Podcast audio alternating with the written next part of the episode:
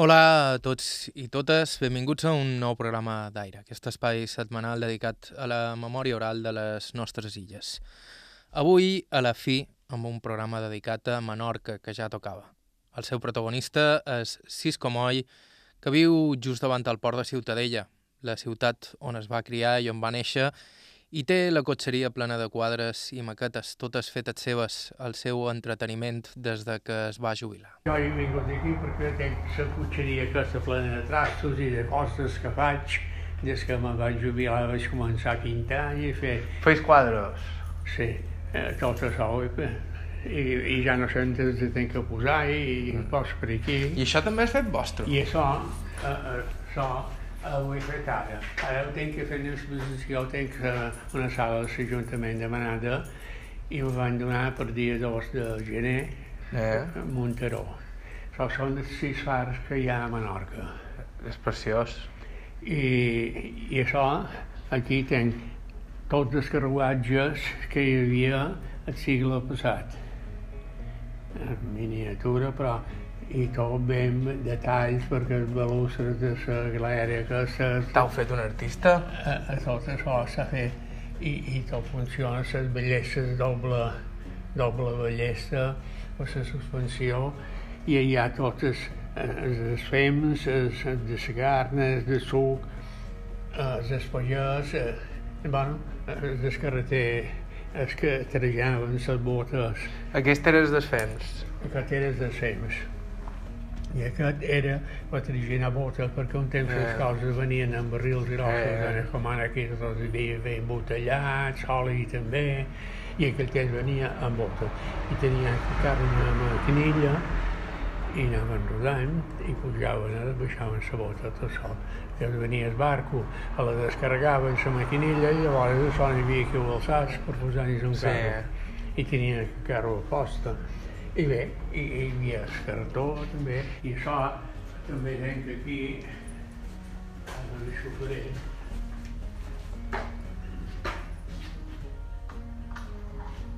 I fan els moviments, eh, les llumes, eh, com cada una. Va, va temps amb... Sí. Perquè cada, cadascuna va, va un temps diferent, no? Sí, Diuen? Sí, sí,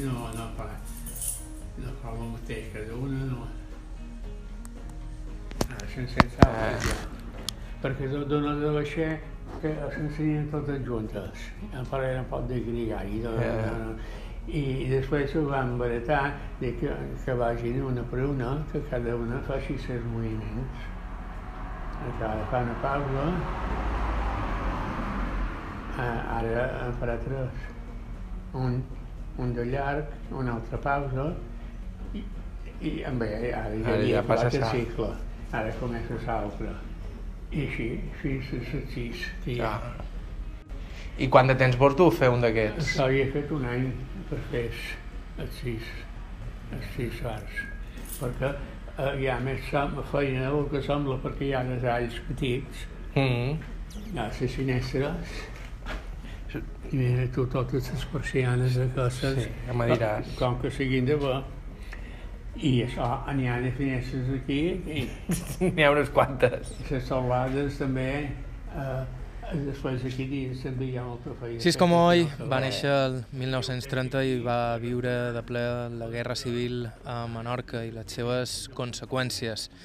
Des de que es va jubilar s'ha dedicat a recrear alguns dels seus records sobre l'illa d'un temps en quadres i maquetes com les que ens mostra de carros antics o de tots els fars de l'illa que, comentava, es posarà d'aquí poc a l'Ajuntament de la localitat.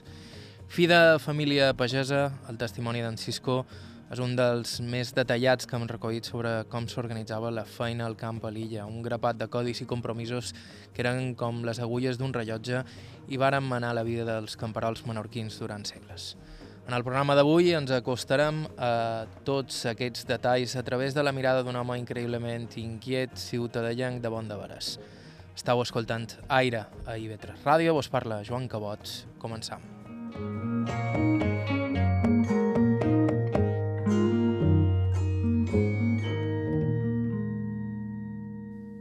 I com sempre, començam amb les presentacions.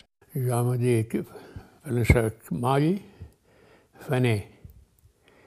I vaig néixer dia 8 de desembre de 1930.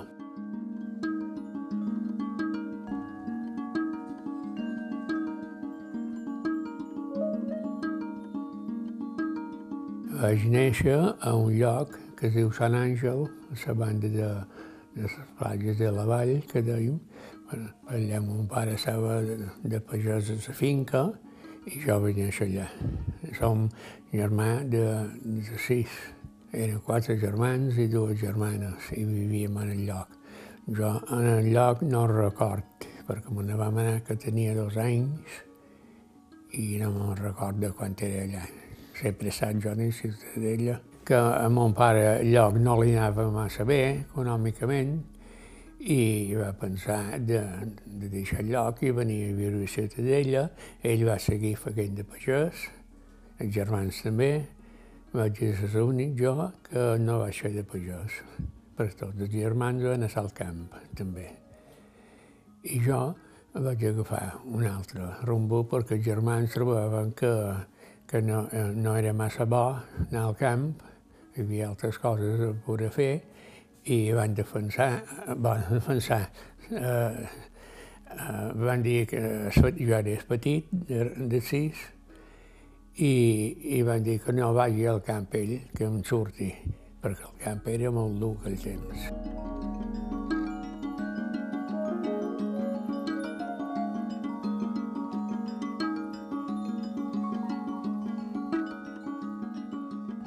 La feina de pagès era una feina, una feina mala de fer. A més que tenien una mentalitat un poc traçada dels pagesos. Vull dir que quan era feina al camp, dins una tanca llaurant, per exemple, i se niulava. Començava a ploiscar i seguien, seguien, seguien. I quan estaven xops, remulls, Uh, després hauran d'anar a Redossa, però ja saben xops, quan d'anar a Redossa. Vull dir que era una gent que no mirava allò dir, ah, plourà antes que no mos banyem. I, i era un poc això, la feina del camp.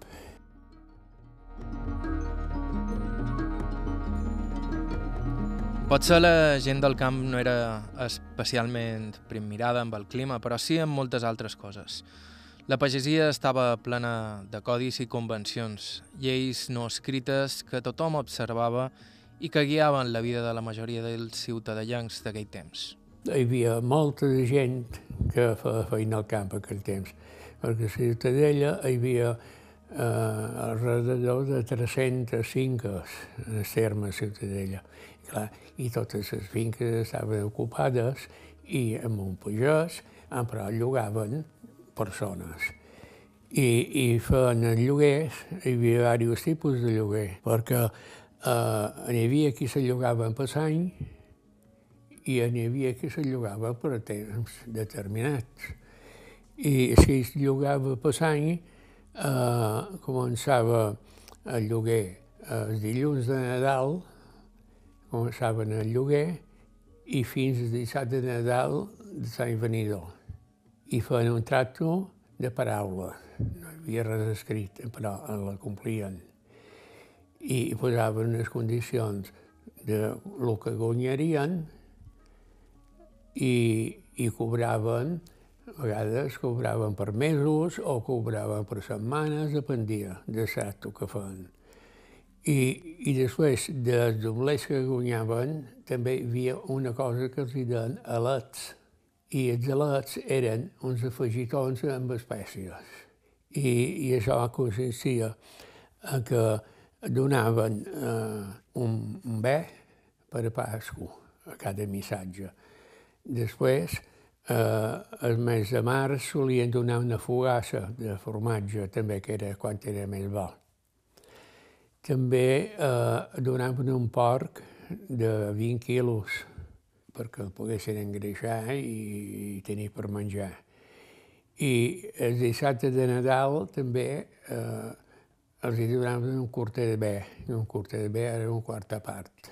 I, i tenien una manera de repartir, perquè una quarta part d'un ben o la mateixa, la de davant que la de darrere, i soldaven per categories, diguem, perquè en llocs tenien, hi havia l'amo, hi havia un missatge que li deia missatge major, que no era el major d'edat, sinó que era el que comandava els altres. I rebia les ordres de l'amo quan l'amo no hi era i ell manava els altres homes. I quan mataven el bé per, per Nadal, eh, el missatge major i l'amo tenien un cortell de darrere de la cuixa i els altres missatges el tenien de davant. Per a Pasco, quan els hi daven el bé sencer, també l'amo replegava un quants menys i després de dinar anaven a cercar cada un el bé i començava l'amo a triar el que més li agradava o el que pensava que era més gros. Després el missatge major i per ordre. Anava a mi engatés de rec i triava, era sol lot.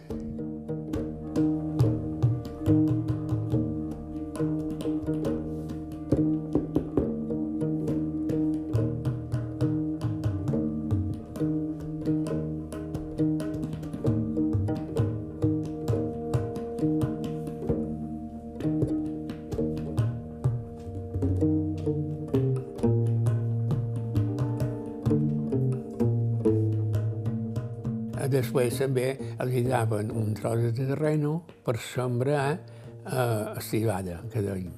Síndries, melons, manyacos, patates, tot això. I això havia de fer la feina el missatge. L'amo li dava la terra i el missatge feia la feina i tenia per ajudar a seua. Tenia feia provisions de tot.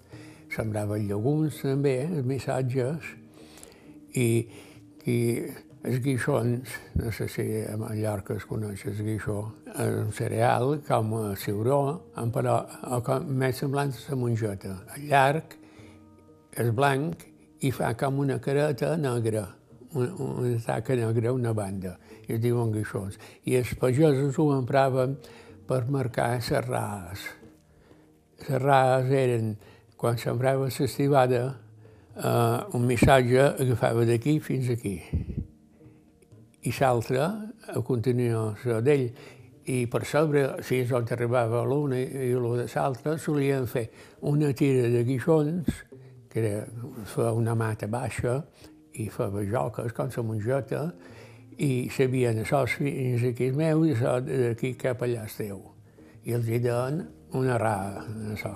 I, bueno, i, i això era un poc el camp.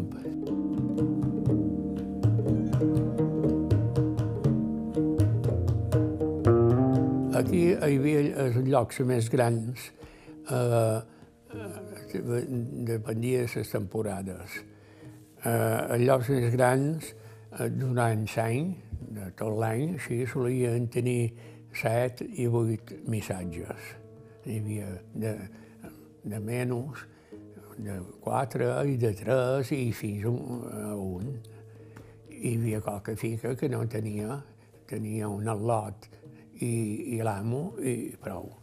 I, i els llocs eh, els, eh, els eh, mesuraven, diríem, eh, per, per la sembradura. O sigui, llocs grans els dividien entre els cementers. O sigui, tres parts del lloc. I sembraven una, la sembraven en guany, eh, l'altra la preparaven per l'any que ve i l'altra la deixaven reposar i després, eh, cap de dos anys que havia reposat, tornaven a sembrar el blat i sordi, que, que avui no sembra, però llavors es sembrava. El terreny a la zona de Ciutadella és especialment dur per sembrar. Bona part de la, la zona està plena de pedres, però no es desaprofitava ni un metre. Et sembrava cibada fins i tot dins les roques. Aquí tots els llocs de tramuntana, aquí, aquí quasi se veuen de l'altre terrat, eh, hi ha llocs molt grans i molt bons, però era un roquissar. Sembla mentida que poguessin passar a eh, fer feina d'un talló i que poguessin treure el que treuen. I, per exemple, n'hi ha un que es diu les truqueries, o sigui, els noms són tres alqueries, però vulgarment la gent li diu les truqueries. I aquell lloc era un dels grans i fa prop d'un milenar de corteres de blat en un any. I tots són roques. Però hi havia nou homes que llauraven. Començaven el dia Sant Miquel a llaurar i fins al dissabte de Nadal. I després hi havia, eh, n'hi havia que llauraven amb bous, perquè els bous són molt més lentos i com que hi havia moltes roques, llaurava més el terreny de, de roques i bestiar que bresta més ràpid i més de so, i, i procurava llaurar si hi havia una solada de terra o so. I llavors, eh, això, hi havia llauradors de bous i, i de bestiar de cabresta. I després hi havia dos cavadors, perquè les grades hi havia cletxes de roques que la no passava i allò havien de sembrar igual en aquella reixa. I allò cavava un home amb una eina que és una aixada de cavar roques estreta i cavava regatells de roca aquells. I allò feia blat, perquè a dins el regatell aquell hi havia humitat i feia un blat que era així, i sembla mentida, però era així. I els cavadors de roques se cuidaven de cavar les roques, d'acabar racons, perquè les arades, quan arribava un racó, giraven en redó i quedava un triangle dins del racó. I allò no podia quedar sense sembrar i allò ho cavava el cavador amb el cava que ho cavava. Ho aprofitaven tot. I si llaurar era dificultós, segar no ho era menys en aquells temps en què tot es feia a mà. I després per segar també tenien les dificultats perquè no hi podien posar màquines d'un terroquissar, que allò ho havien de fer a mà tot. I eren llocs que emprava molta gent. També hi havia això que han dit de llaurar, que començaven per Sant Miquel, els pagesos feien lloguers de Sant Miquel a Nadal.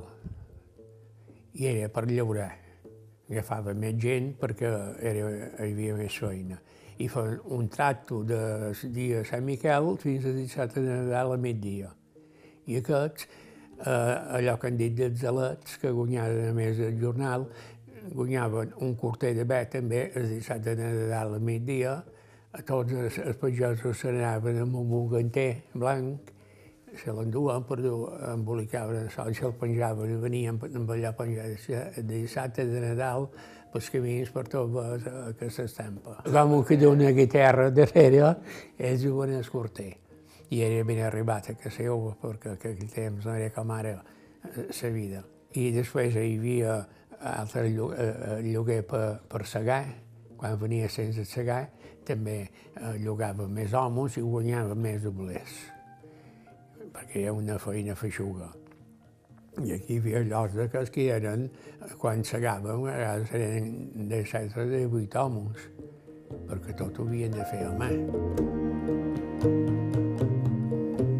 Haureu observat que en Cisco Moy gairebé no ha parlat de les dones que feien feina a les finques, i això és perquè, excepte comptades excepcions, en llocs petits i on una sola família ho feia tot, les dones treballaven quasi sempre dins la casa, proveint els missatges i pagesos de tot allò que havien de menester. Les dones aquí no feia ningú, no hi havia cap dona que fegués feina al camp.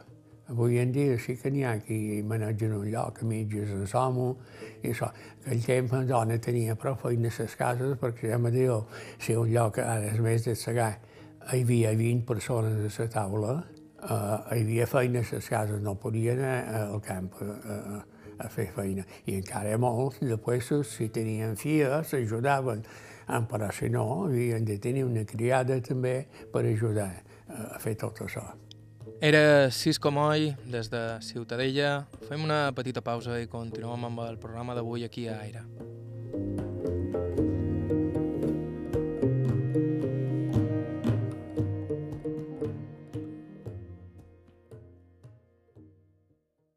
Hola de nou, estàu escoltant Aire a IB3 Ràdio, us parla Joan Cabot, avui amb un programa des de Ciutadella, on vàrem estar entrevistant fa uns dies Cisco Moll.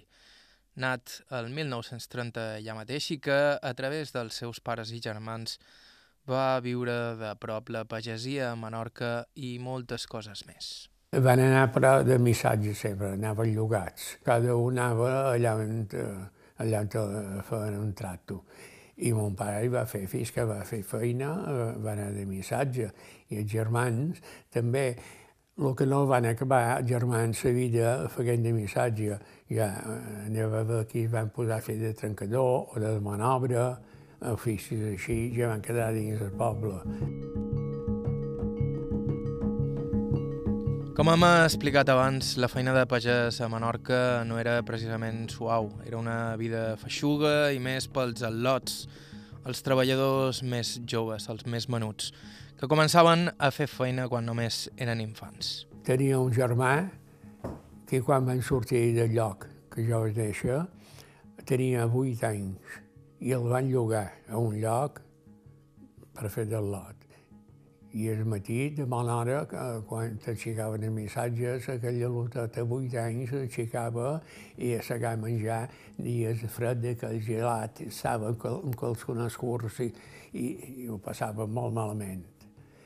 Després també ho passava malament els al·lots perquè els missatges eh, era gent amb poca cultura i s'aprofitava de la innocència dels al·lots i els feien qualque mala criança l'amo no sabia defensar-lo perquè també eh, tenia el mateix pensar.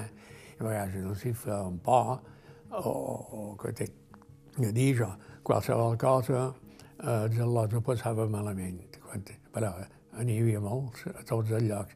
I no ratllem eh, que abans la guerra espanyola n'hi havia molts i els van enviar a llocs perquè almenys menja, i mira, i nosaltres no tenim res, i, i allà eh, fa feina, però ho passa més bé perquè va en la panxa plena perquè normalment en allò tenia més manera, qualque bocí de pa, aquí dins el poble tenies un macauet de pa, de no res, i allà més o manco unes canars amb abundància, però el menjaven. I molt de l'os anaven al camp per aquest motiu.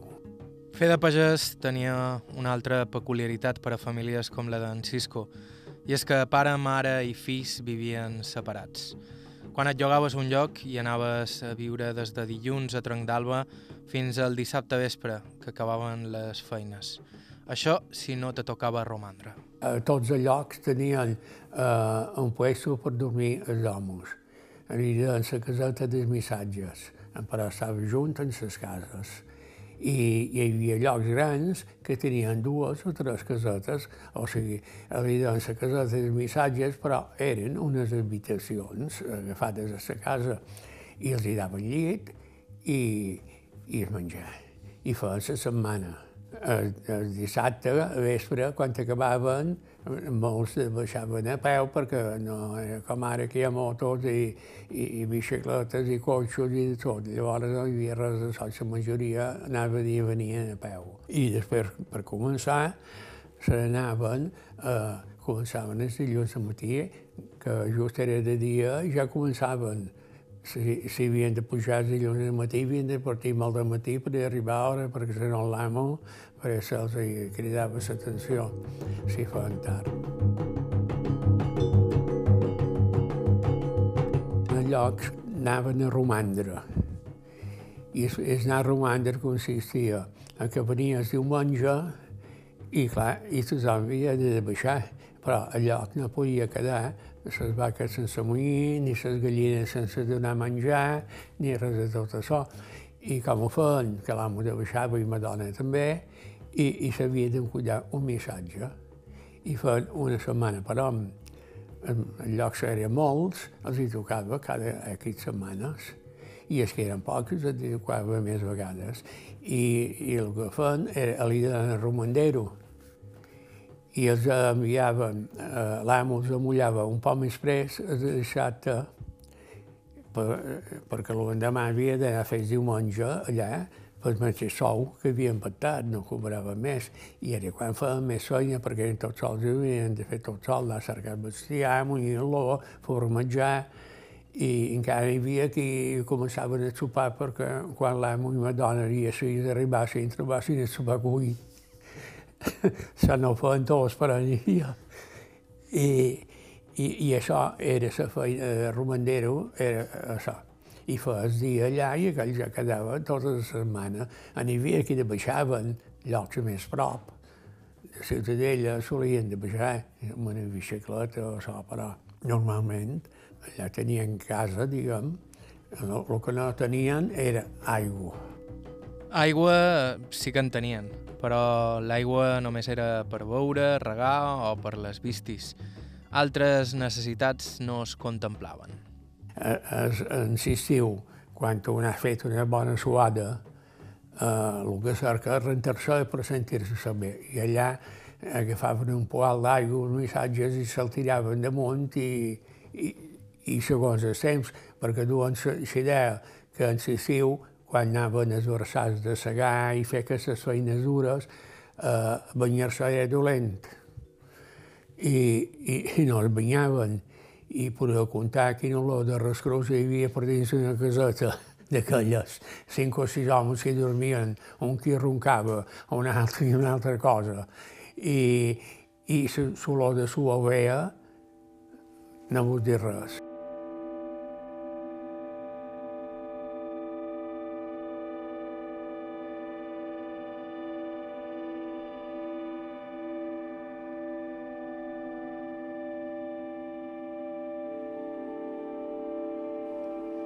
La vida de la pagesia a Menorca va conservar-se quasi intacta durant segles, fins que la vida moderna va trastocar-ho tot.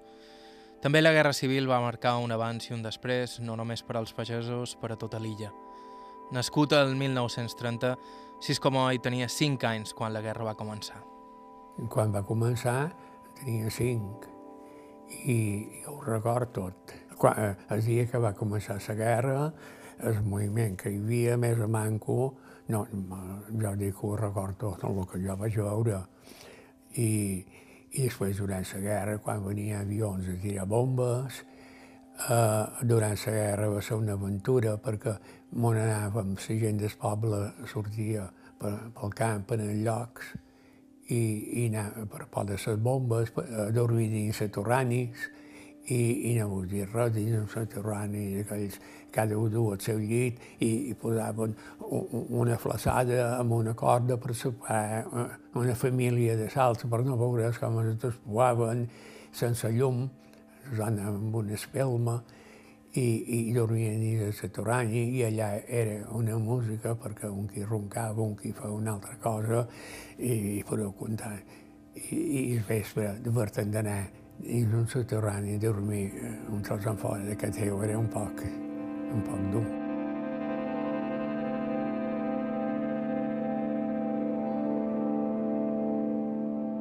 I fugien del poble. Nosaltres teníem un hortal, un terreno petitó, a 3 o 4 quilòmetres de la ciutadella, i, i allà dins, i a vegades hi dormíem. A mare, dues germanes i dos germans perquè mon pare i els, dos, i els majors, els dos majors, estaven llogats o feien el servici. El major, a de set anys el van agafar i ja feia el servici. I mon pare també, a 40 i pico, també el van agafar. Sí, va baixar una bateria un any i mig o dos. Agafaven fins als 48 anys, tot que era que els amullaven. Però fins als 48 anys els tenien agafats i mon pare i el germà major van aconseguir de soldar-se els dos. I guanyaven un duro cada dia, a soldats, en la guerra. I, I era un bon jornal, perquè feien feina, hi havia molts que no el guanyaven. I nosaltres, eh, econòmicament, quan ells estaven a fer el servici, guanyaven 10 pessetes cada dia, eh, eh, en els més duen una bona paga. Després de la guerra, els joves van quedar, perquè el germà major era del 41, la quinta del 41, havia nascut l'any 20, i els van agafar i va ser aquelles quintes que es van endur després de la guerra tot d'una per la península, pel País Basc i Solt, el 39, 40 i 41, i van passar la geneta per allà. I, i, i els vells, diguem, es van amullar.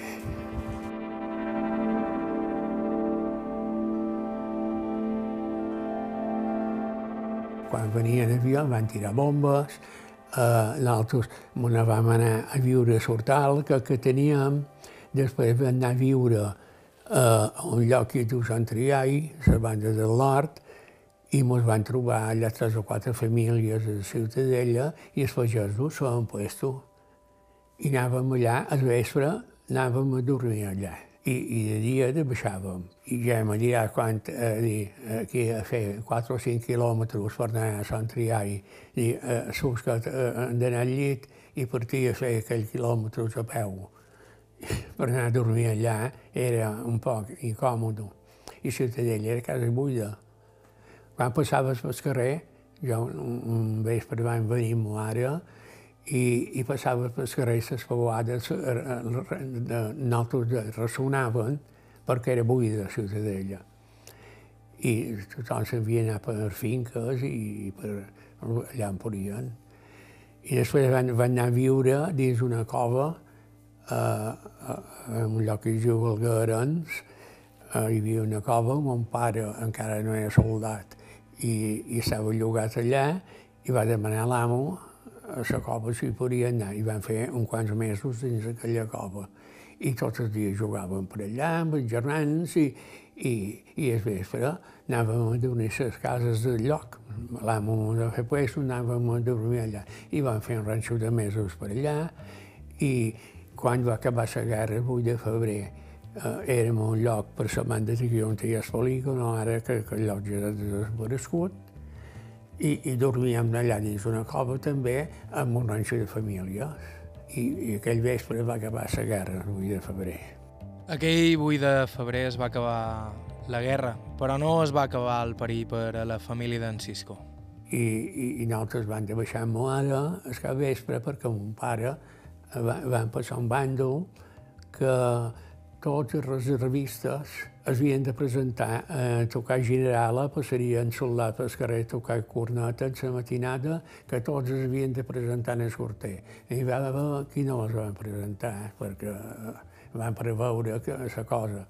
I uns altres van complir en sort de que havien dat, que mon pare va ser un de sants, i, i es van presentar en el corter. I quan anaven les bales xiulaven perquè hi havia un desordre, i, i xiulava les bales i va hi va morir i, i mira, li van bé. I a ma mare van de baixar d'allà, havien dormit el lloc aquest, i van venir aquí en el corter a veure si podien saber notícies de mon pare si era mort o si era viu, perquè ho sabíem. I, i tot això jo ho tenc gravat dins el cap, d'haver vist. I això no va veure amb els seus ulls, però també ho recorda perfectament. Un fet que va commocionar tota l'illa i una altra mostra de les barbaritats de la Guerra Civil. Aquí, el que va passar aquí, a Ciutadella, jo recordo el dia, el dia 20 de juliol de 1936, era eh, el dia que va, la guerra a Espanya va començar el 18 de juliol. Però aquí va començar el dia 20. I hi havia pel carrer, tothom era pel carrer, i comentaris, a soldats, hi havia un corter per aquí dalt, i metralladores, eh, hi havia un moviment de, de revolució. I hi va haver molt de morts, perquè eh, llavors ja van començar a sortir eh, republicans, que eren els que van quedar aquí, i van començar a agafar gent i cap a la presó aquest és de dretes i allò cap a la presó, aquest dretes cap a la presó, aquest és un capellà allò eh, a la presó. I, i anem així. Des de tres o quatre mesos, els de 8 i de 9 de novembre, havia començat el juliol, eh, els duen a Mó tancar dins un barco, que, un barco vell que hi havia amarrat en el port, allò era la presó, l'Atlante, el barco. I allà dins hi havia gent de dretes, hi havia capellans, i llavors hi havia molts de capellans, i, i el 18 i 19 de, de novembre eh, van fer una matança molt grossa de capellans a moltes molles. Van fer sortir del barco i els van fusellar allà. Aquí em van matar de capellans, em van matar, eh, si eren 45, i això en les ties, a la gent major, perquè llavors no hi havia eh, ràdio, ni, ni hi havia televisió, ni hi havia res d'això, però la gent major enrotllava i, i, i els sentíem els comentaris de, de lo que feien, avui hem fet això, demà hem fet allò, i, i, bueno, i això anava un poc així. Era Cisco Moy, ciutadellanc nascut al 1930, 5 anys tenia quan va començar la Guerra Civil. Estau escoltant Aire, això és IB3 Ràdio, fem una aturada i continuem.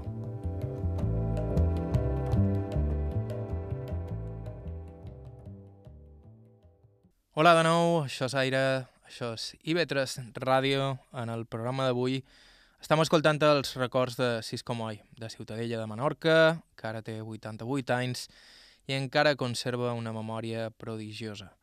Fa uns segons rememoràvem alguns dels passatges més tràgics de la Guerra Civil a l'illa, però amb la fi de la guerra les dificultats no es varen acabar per a ningú. De fet, per molta gent acabaven de començar. Ja es va començar uh, a formalitzar les coses, uh, hi haurà pa, uh, i van donar pa bo, perquè donaven poc, i tornaven vales, i, i, bé, i allò va, això, uh, va durar poc, es fa perquè després va tornar a haver-hi vales i més, més estrets cantes. Dins el poble, la més dura la postguerra que la mateixa guerra, amb l'aspecte que de, de, de, de mancances de coses i, i no hi havia res. El menjar tornava en vales, eh, una dona havia... Eh, ara vull donar oli amb els vales. Cada un tenia una botiga amb els vales depositats allà i podies anar a cercar el que tocava i a millor et donaven dos botis d'oli i havies de passar més. I a vegades diuen, eh, no sabien cuinar, el que no tenien eh, medis per cuinar, perquè no hi havia res. I, i donaven llegums i donaven coses així, però tot en valés. Fins l'any 48, aquí a Ciutadella, el pa, fins l'any 48, no vas poder comprar el pa que volies els darrers anys ja n'anava en vale, però ja anava escassat encara.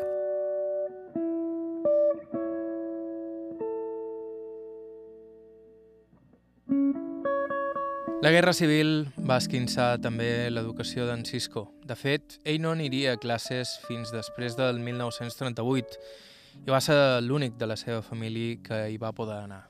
A, a escola, jo no havia anat a escola i com va acabar la guerra, tenia 8 anys i vaig començar a escola. Vaig ser l'únic germà que hi vaig anar a escola. I no havíeu anat mai a escola? Va? Mai. Me va plegar una mala edat, això. I, I fins que no va acabar la guerra no vaig anar a escola. Vaig anar a escola d'Esborn, aquí, l'escola nacional. Hi havia salesians també, però els salesians pagaven i els que no tenien doblers anàvem a Esborn. I vaig anar quatre anys l'escola. I bueno, vaig aprendre de llegir, d'escriure, i quatre regles de sumar, restar i multiplicar, es dividir. No en sé, la veritat és que no en sé, tinc un poc d'idea, però no en sé. I petits, petits, ja anàvem a fer feina. Escola, ara quan ho veig, a l'hora de sortir d'escola, eh, hi ha un embús de cotxos perquè han d'anar cercats de l'os perquè si plou, si aquí, si allà. Avui tots tenen un bon equip de roba, d'aigua, botes, tenen de tot, i els han d'anar a cercar. I aquell temps duem unes espardanyetes sense calces, amb calçones curts fins aquí dalt, i de roba de, de, de brigo, res. I, i si ploia, corries. Però davant també ploia, no guanyaven res corrent.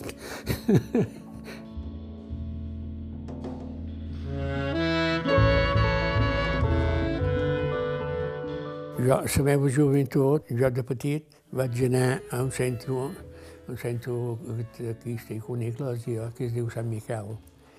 I allà hi havia dos seglars i un capellà. I eh, van passar per cap d'obrir aquella església que estava tancada i per els al·lots més pobres, perquè que tenia més pleix anaven a casa salesians i anaven a l'església allà, que tenen una església pròpia i, i la gent pobra que no podia pagar escola ni res d'això. Aquest, aquests homes van començar uh, allà a atendre els lots i els busquets obrien anaven a jugar, els hi tenien un ping-pong, els hi tenien una pilota de futbol que ningú en tenia, bueno, i els lots allà es trobaven bé. I cada fosca anaven allà i, i diumenges i, i dissabtes també.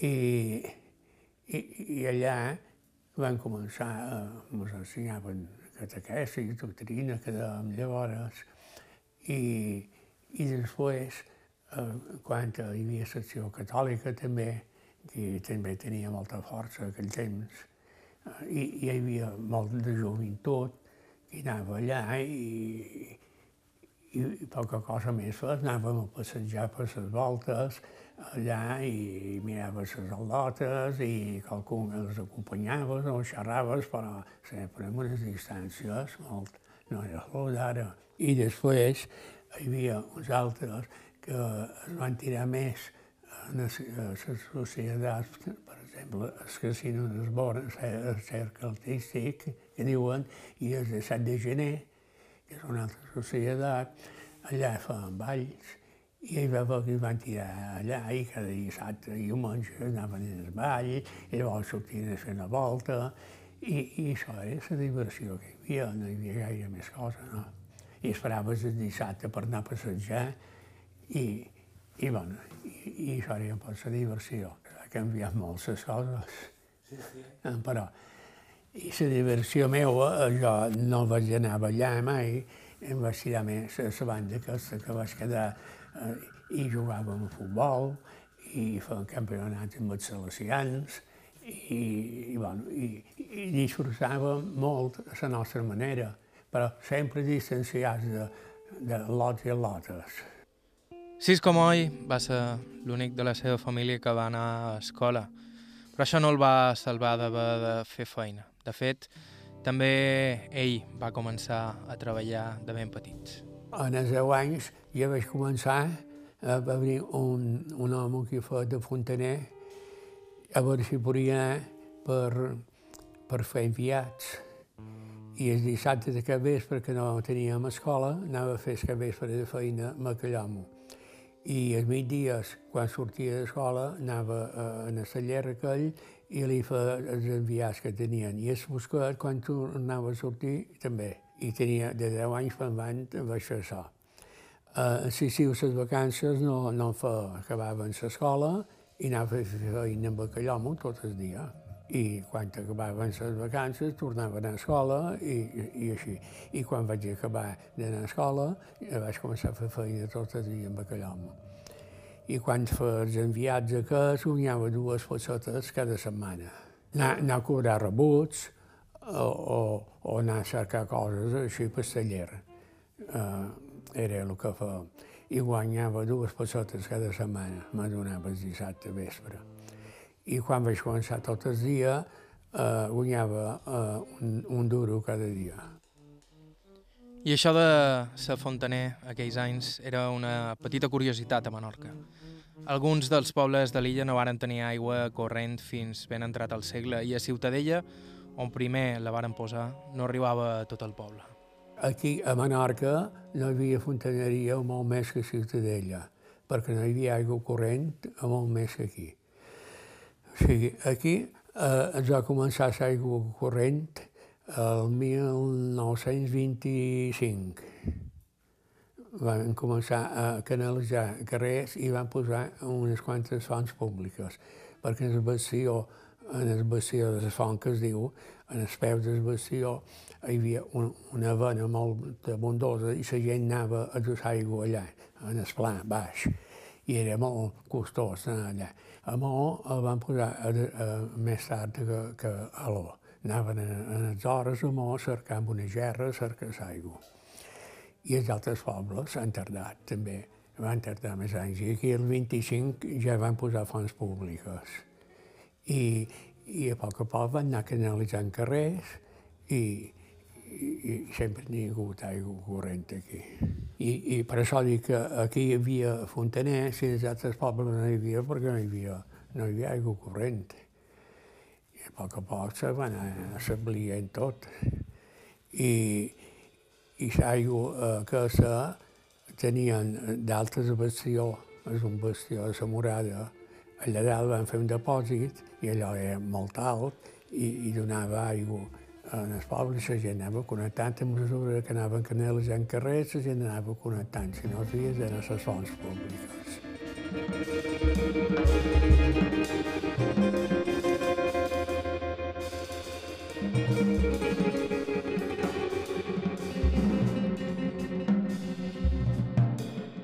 Jo, la feina de fontaner no m'agradava. I va ser dos o tres anys i, i vaig dir al mestre, dic, jo no m'acabo d'agradar aquesta feina i què vols fer tu? Jo eh, m'agradaria fer de mecànic. Diu, jo, diu, jo tinc molta amistat amb un taller, el taller més gran que hi havia a Ciutadelles, de, de Cats Anglades.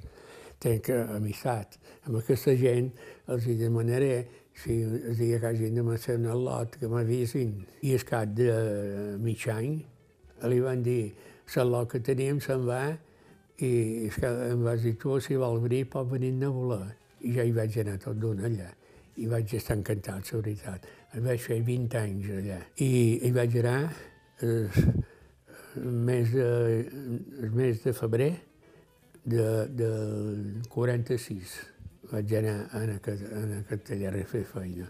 I vaig fer uh, fins, a, fins al 65. Fa de mecànic allà, allà en un taller que fan de ferrer, de ferrer, purament de ferrer, fer de eines i coses del camp, i després tenia la secció de mecànic.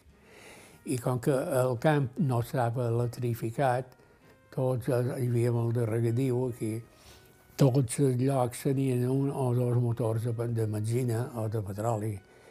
Els pescadors tots tenien motor i allà eh, ens dedicàvem a, a, a dubassar jo en Sissiu, fa tot Sissiu pel camp darrere motors del lloc. Perquè quan era un i l'altre i cada dia a vegades podíem atendre. A Baixamà també, molts de pescadors, havies d'anar a Baixamà. Els automòbils, hi havia, a aquella època del 46, a Ciutadella hi havia uns 30 cotxos. Els nobles tenien cotxe, o dos. Eh, els fabricants que havia fet doblers també havien comprat un cotxe hi havia una trentena de cotxos. I els adobàvem, però clar, 30 cotxos eh, els empraven poc, no donen per, per això, però vaig aprendre de, de tot això. Però més carretera mecànics. I els velers que venien, que duen motor de barco de, de 150 cavalls o 200 cavalls, també s'arreglaven altres. I també hi feia moltes hores. I avui en dia arreglar motor fon un coixinat, per exemple, eh, duen unes conxes ja fabricades que només és muntaró. I aquell temps el havies de fer tu.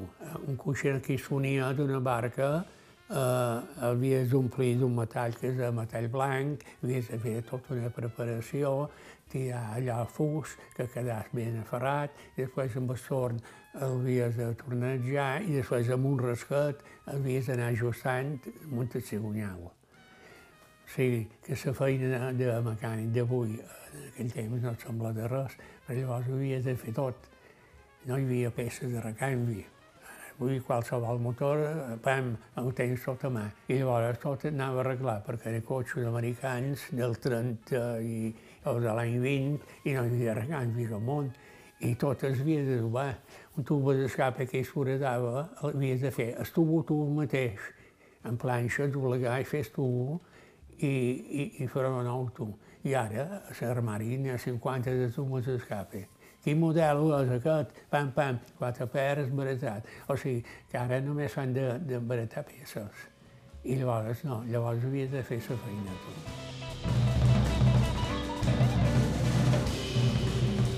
Aquest era Sis Comoy, 88 anys i encara amb una energia increïble. De fet, ja començàvem el programa a la seva cotxeria plena de quadres i maquetes que ha anat fent aquests anys des de que es va jubilar. I ara fa 28 anys em vaig retirar. I duis 28 anys pintant quadres... Feien maquetes i feien coses. I cuidant sort, perquè tenc un hort. Teniu un hort? Un hort bastant gran i, i també me n'enguit. Ahir mateix hi vaig anar amb la bicicleta, que hi vaig fer 20 quilòmetres en la bicicleta. A Madirou.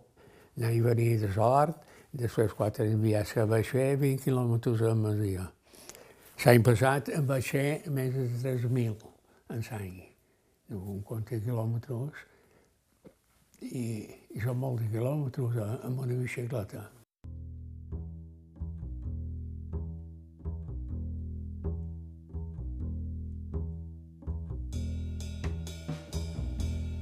I fins aquí el programa d'avui.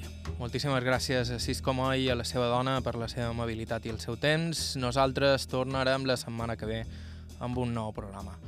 Ja sabeu que si voleu recuperar el d'avui des del principi o voleu escoltar qualsevol dels nostres programes anteriors, ho podeu fer a la ràdio a la carta ivetrestv.com barra ràdio o bé subscrivint-vos al nostre podcast a qualsevol dels serveis habituals. Si teniu propostes d'entrevistes, suggeriments o us voleu posar en contacte amb nosaltres per qualsevol cosa, ens podeu escriure a aire.ivetresradio.com i també ens podeu seguir i escriure a través de Facebook i Instagram. Bàrbara Ferrer i Margalida Mateu a la producció executiva, Facu Tenaglia a la producció tècnica, vos ha parlat Joan Cabot. Fins la setmana que ve.